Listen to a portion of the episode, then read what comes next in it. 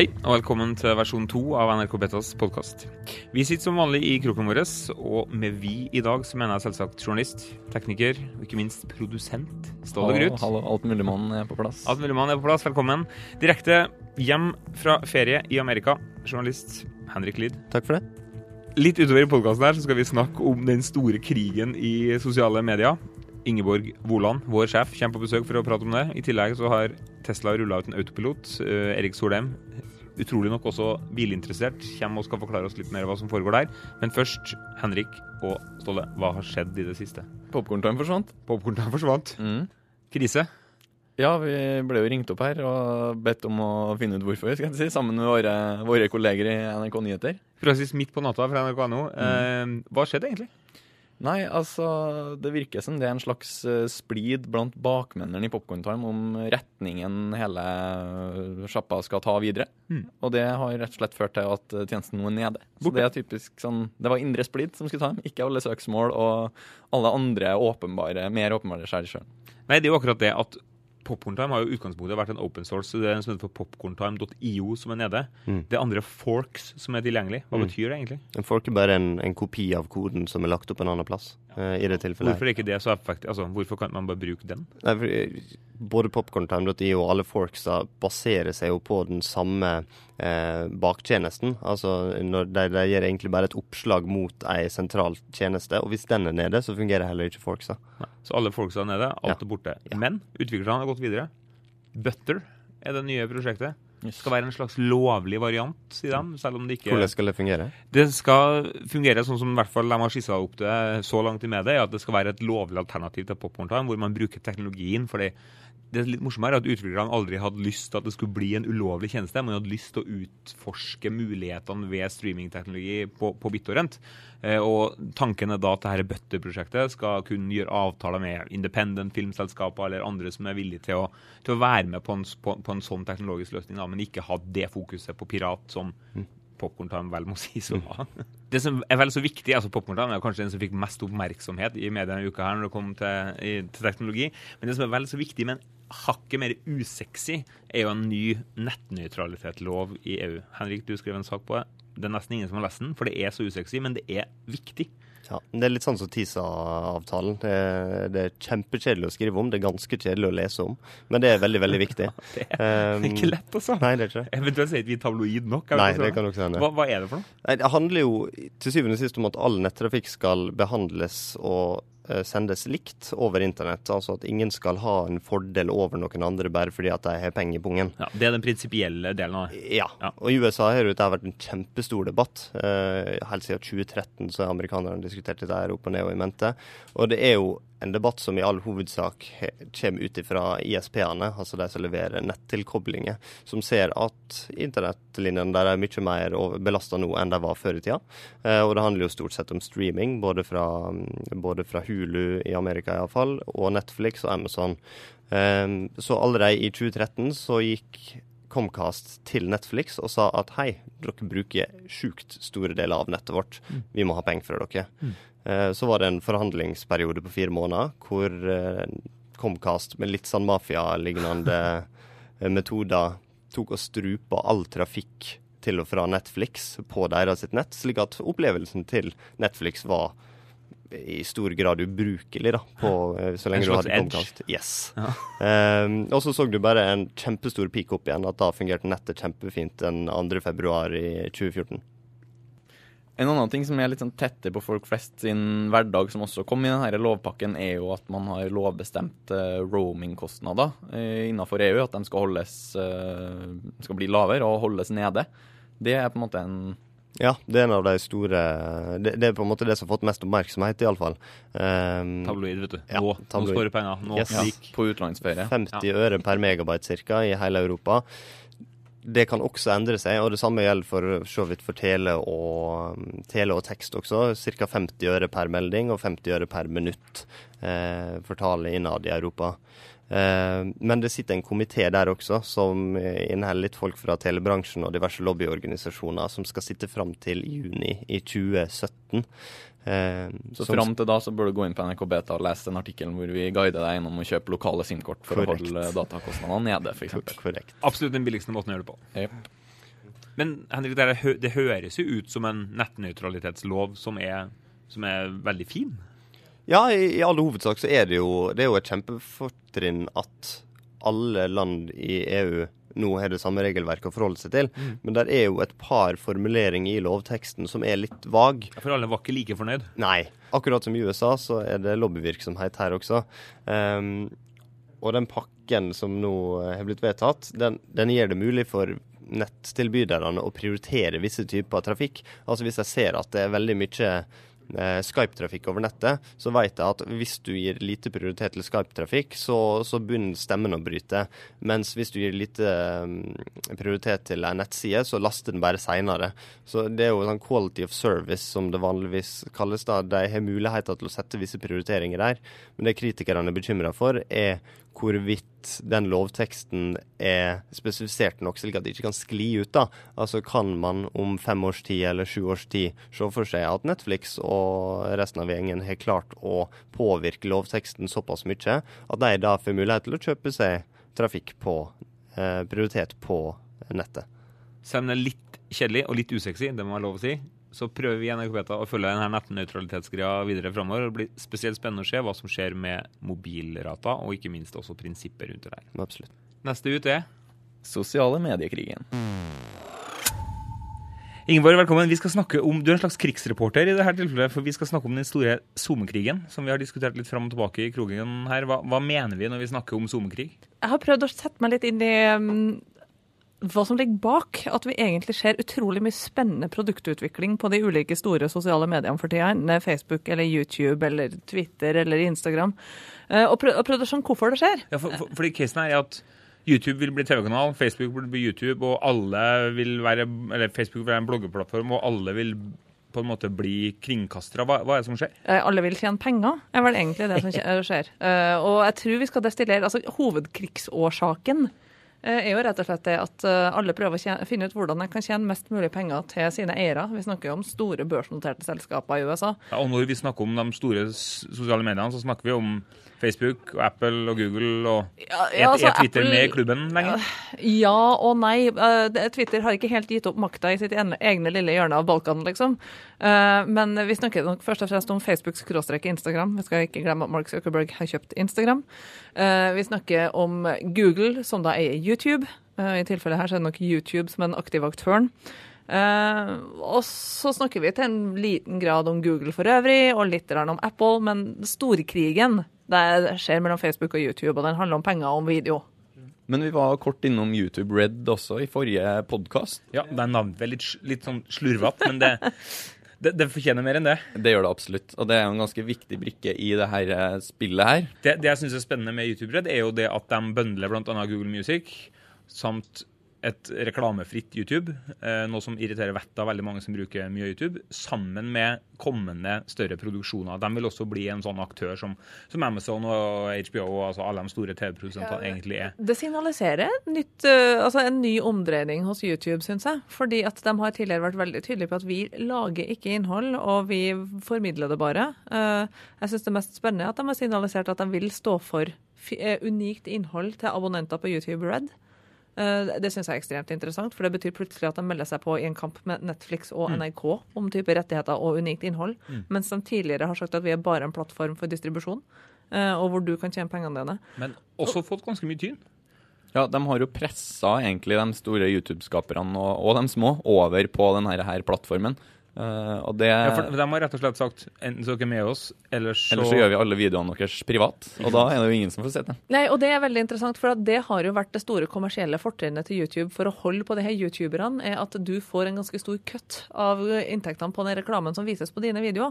Og når du da plutselig får videoene dine tvangsflytta til et reklamefritt miljø, eh, kanskje uten penger, så er det jo sikkert en del som begynner å spørre seg sjøl what's in it for me? Ja, og det ble snakk om de 99 andre, også på YouTube, da, i forhold til de eh, programskaperne her, at du har noen få store som tjener vanvittig masse penger og har mange visninger, men hva da med alle de små, som kanskje ikke genererer alle de her visningene, men som har levd greit på reklameinntektene? Men det viser også at de mener alvor med det her, når de ber alle innholdsprodusentene sine bli med, eller i praksis hoppe av. Mm. Da er det ikke noe, er det ikke noe tull. Det er ikke noe tull. Og jeg, jeg syns akkurat det blir ganske interessant, for at den store X-faktoren oppi det her, når du ser på det fra vårt medieperspektiv, eh, er jo hvilke ambisjoner har Facebook, YouTube og de andre på lang sikt om å være rendyrka innholdsdestinasjoner? I hvor stor grad vil de finansiere og sørge for å få skapt innhold sjøl? Og det her er jo første gangen vi ser at noen av de herrene begynner å lukte borti Netflix-land. Det ligger også en sak skrevet av deg, Ingeborg, på NRK Beta i dette øyeblikk som tar for seg dette temaet enda dypere og enda grundigere. Takk for besøket. Tusen takk sjøl for at jeg fikk komme.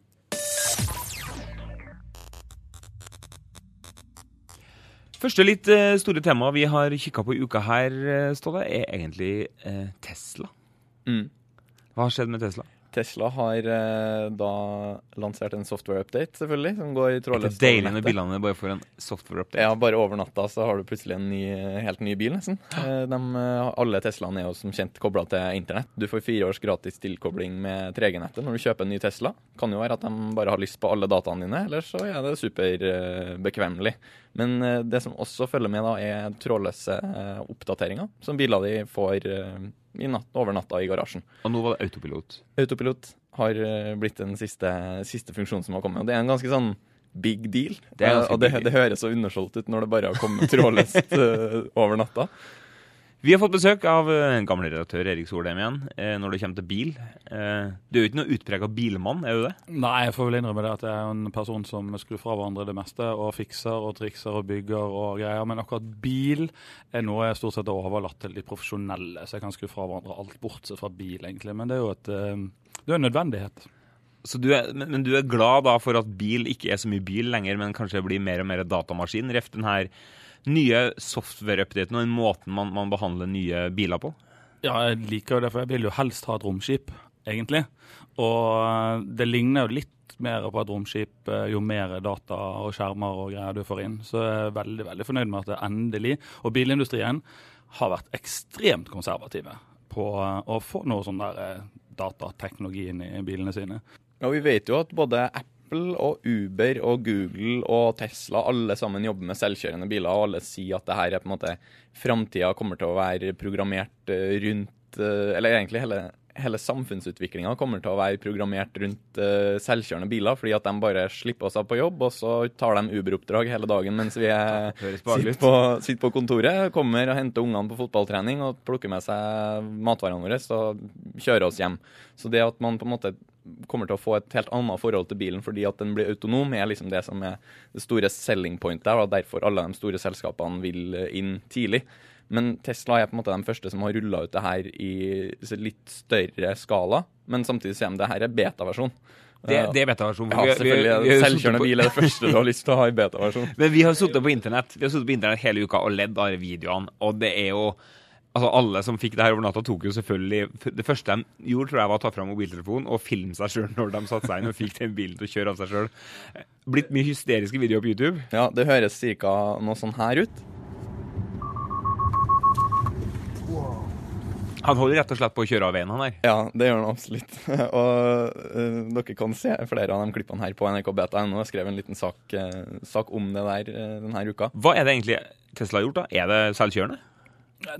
De påstår vel det, men det er, jeg tror det er et ganske stort gap mellom den uh, prototypebilen til Google som faktisk er selvkjørende, og som har kjørt kilometer på kilometer uten en eneste ulykke, og det at de har eh, aktivert enda litt mer Eh, hva skal vi kalle det, assistanse, kanskje, i Teslaen. Og det har du jo i ganske mange biler. Og en av de tingene som jeg ble absolutt mest imponert over, over når, når, vi kjøpte ny bil. Eh, må sies at Vi har hatt den samme bilen i 14 år, og så kjøpte vi en ny bil. Det var ikke jo... en datamaskin. Den gamle var ikke en datamaskin. så vi ble jo veldig imponert over veldig mye, selvfølgelig. Elektriske vinduer. Uh! Var det en pinne fra rattet til hjula? ja, ja, ja. Nei, så, og automatgir, ikke minst. Automatgir som faktisk virker og sånn. Mm. Men eh, Så det har skjedd noe i løpet av de 14 årene. Og denne nye bilen vår har da en såkalt adaptiv cruisekontroll. Hva betyr det? Eh, det er da en liten radar foran uh, på bilen som har veldig god kontroll på eh, de andre bilene foran.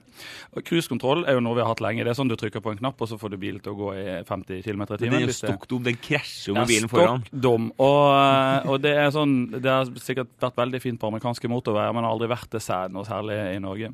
Adaptiv cruisekontroll den tilpasser seg bilen foran. Så jeg sier når jeg legger meg ut på en motorvei hvor det er 90 grense, så sier jeg til bilen min kjør i 90, så kjører den i 90, og så tar jeg igjen en eller annen eh, sinke foran som kjører i 80. Og hva gjør bilen da? Krasjer ikke med den, men legger seg pent opp bak i 80 og har hele tiden kontroll på bilen foran.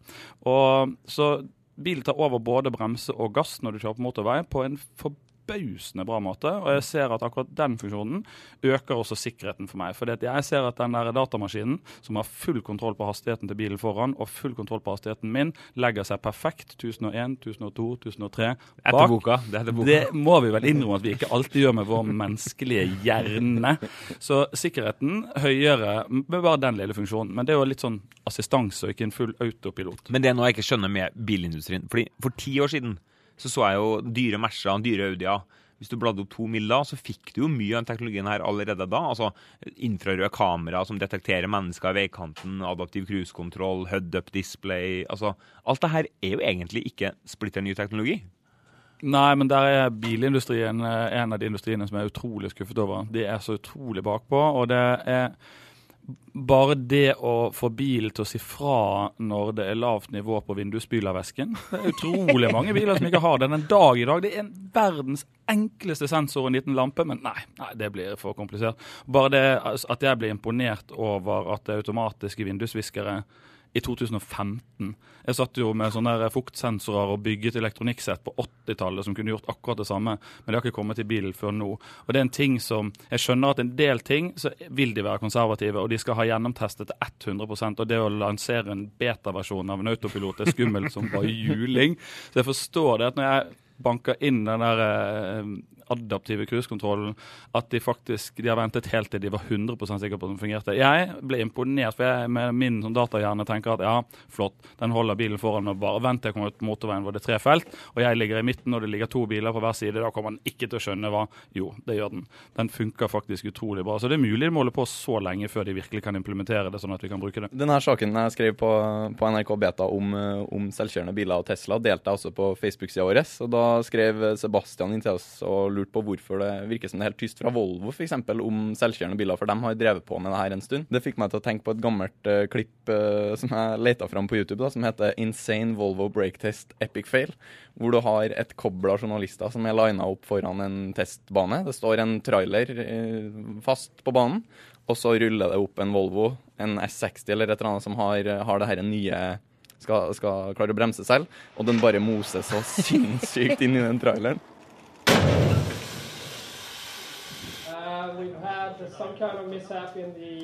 Kind of. Og i, i den googlinga her så fant jeg altså klipp av Volvo som kjører over journalister, og det er liksom bare alt det har skåret seg, da. Og det er kanskje noe med at bilindustrien vet altså hvilke krefter som er i spill her. At du er på en måte nødt til å ha noen som på en måte ikke har peiling på bil, og som kanskje først og fremst driver med sensorer og software da, for å tørre å kast, gi seg i kast med de her tingene her. For BMW har jo på en måte ikke vært noe datadrevet selskap, dem, men de har jo god peiling på bil, f.eks. Volkswagen da, viser jo seg det har vært veldig Og dårlig. de er kjempegode på både programvare og bil. Det er jo interessant eh, som alltid da, at det er Google som kommer inn med noe teknologi her, og så er det Tesla. Og at Tesla måtte til. og det er jo synes jeg i seg selv her i Norge så er Tesla en veldig veldig interessant historie. Hvor vi eh, liker dette miljøgreiene med at det skal være elektriske biler. Og vi har masse insentiver for å kjøre elektrisk bil, og du får lov til å kjøre i kollektivfelt osv. Helt greit så lenge den elektriske bilen ser ut som en fotformsko eller en opp-ned pionerjolle. For det var jo det de gjorde, og du, du syns jo bare synd på det stakkars vesenet som 90 gjør det jo ennå. Se på en sånn ja, ja, men det, elparkeringsplass. ja, ja, men det var jo der Tesla måtte inn. Og så var det så fascinerende at det gikk fra fotformsko hvor, eh, hvor du eh, syns synd på den der stakkars personen som kjører der i kollektivfeltet og tenker at ja, ja, du må nå i hvert fall få lov til å kjøre der, til ikke, ikke liksom litt større og litt fetere, men bare til det råeste monsteret med 700 hester som veier 2,5 tonn, og som får en hvilken som helst Porsche-eier til å kaste Porschen ut av garasjen fortest mulig. Så det var et sånt kvantesprang som var helt absurd. Og rekkevidden på den fotformskoen er kanskje 3 km eller hva det var. Og så nei, 400 km.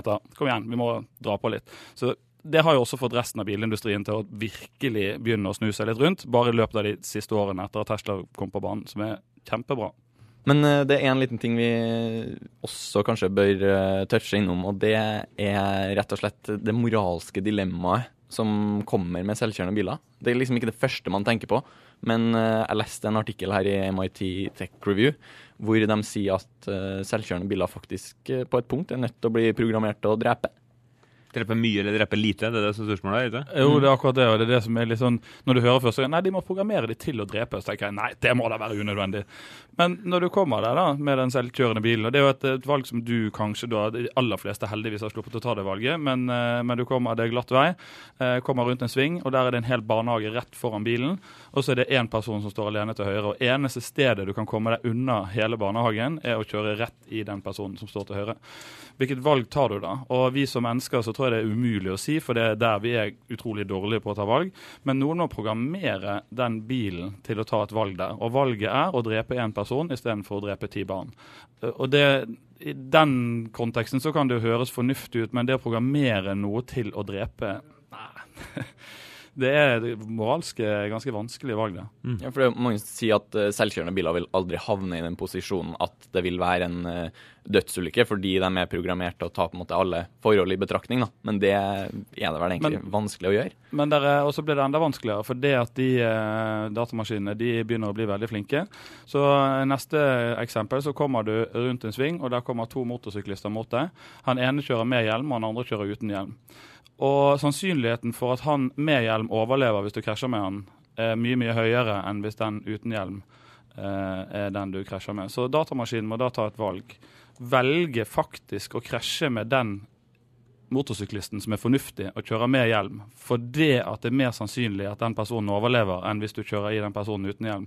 Da begynner de moralske valgene å bli veldig vanskelige. Moralen i stykket er altså ikke bruke hjelm, for da blir du ikke påkjørt av ja, men da blir jo det moralen. biler. Og det blir jo helt absurd tåpelig. Men, men, noen må programmere dette. De valgene må tas. Det er så deilig sci-fi her at det er fantastisk. Det er veldig, veldig, veldig vanskelig å vite hvilke valg man da skal ta, og hva som vil føre til høyere trafikksikkerhet. Noe av det mest fascinerende ligger jo også i det syns jeg at det her er en datamaskin som kan oppdateres. Altså Har du først utstyrt den med et, et sett med sensorer, og det har man tilsynelatende gjort Nå kommer jo de siste Tesla også med radar, så har man alle muligheter fordi man faktisk kan oppdatere det som Apple oppdaterer telefonen, eller Android oppdaterer telefonen, eller Mac-en eller PC-en din. Alt har blitt oppdatert automatisk. Og Der ligger det en helt sånn fundamentalt annerledes måte å tenke på enn det bilindustrien har vært vant til. Ja, og der også er jeg helt ekstremt skuffet over den nye bilen som vi har kjøpt. Uh, der kan du for 10 000 spenn ekstra, eller hva det er, uh, få et sånn 3G-modem. Og da sier jeg 3G-modem, og jeg sier ikke feil, jeg kunne sagt 4G-modem, men nei, det er 3G-modem. Og jeg gidder ikke å betale 10 10 000 kroner for et 3G-modem. Med det 3G-modemet så kan de vel da faktisk oppdatere litt sånn software-messig sånn, men, men der tenkte jeg der, der går grensen min. så det er ikke sånn at du får en insane mode, sånn nei, som du får det, på Tesla over 3G-nettet? som bare... og, hva det, og jeg kan jo selvfølgelig levere den på verkstedet, så kan de oppdatere firmware uten at jeg har betalt 10 000 kroner for dette 3G-modemet som de skal selge meg i 2015. Men på den modellen som jeg har, så er det da også navigeringssystem. 2015-modell, eh, kjører av gårde til Vestlandet. Hardangerbroen, fins den på kartsystemet? Nei det blir også for meg som er vant til å bruke kartsystem i mobilen min, som er helt oppdatert hele tiden, så blir det bare for dumt. Og ikke selg meg en bil sommeren 2015 som ikke har Hardangerbroen engang. For det er greit nok, det er ikke så lenge siden den åpnet, men dog.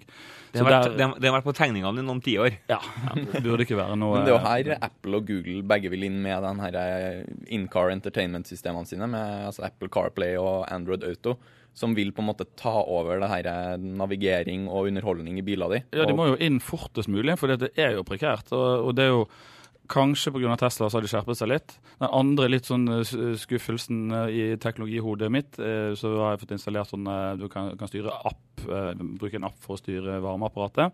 For jeg tenkte når jeg skal ha ny bil, teknohodet skal ha ny bil i 2015, så skal jeg i hvert fall ha alt jeg kan ha sånne romskipting i den bilen. Så da må jeg kunne styre den med en app. Og det er så, Jeg sitter og humrer for meg selv når jeg fyrer opp den appen. og så ser jeg Det den appen gjør, det er at den genererer en SMS-melding som sendes til dette systemet. For systemet ble jo laget for sikkert fem-ti år siden, og det var sikkert bleeding edge den gangen du kunne starte varmeapparatet med en SMS. Og nå har de blitt så utrolig avanserte at du får en app, men appen sender da en SMS. Og når du skal få vite temperaturen i bilen, så må du vente på å få svar på SMS fra systemet. Kjøpt i Den 2005. kjente, den kjente protokollen SMS. Tesla med autopilot, som de, det må sies understreker at det er et hjelpemiddel og ikke en selvkjørende feature. Hvor ender det Erik? Det er jeg ganske sikker på hvor det ender. For hvis du ser på de selvkjørende bilene som er ute i test i dag, som faktisk virker, så er de ekstremt trygge. Og jeg er helt enig med Google når de sier at vi mennesker er egentlig ikke laget for å kjøre bil.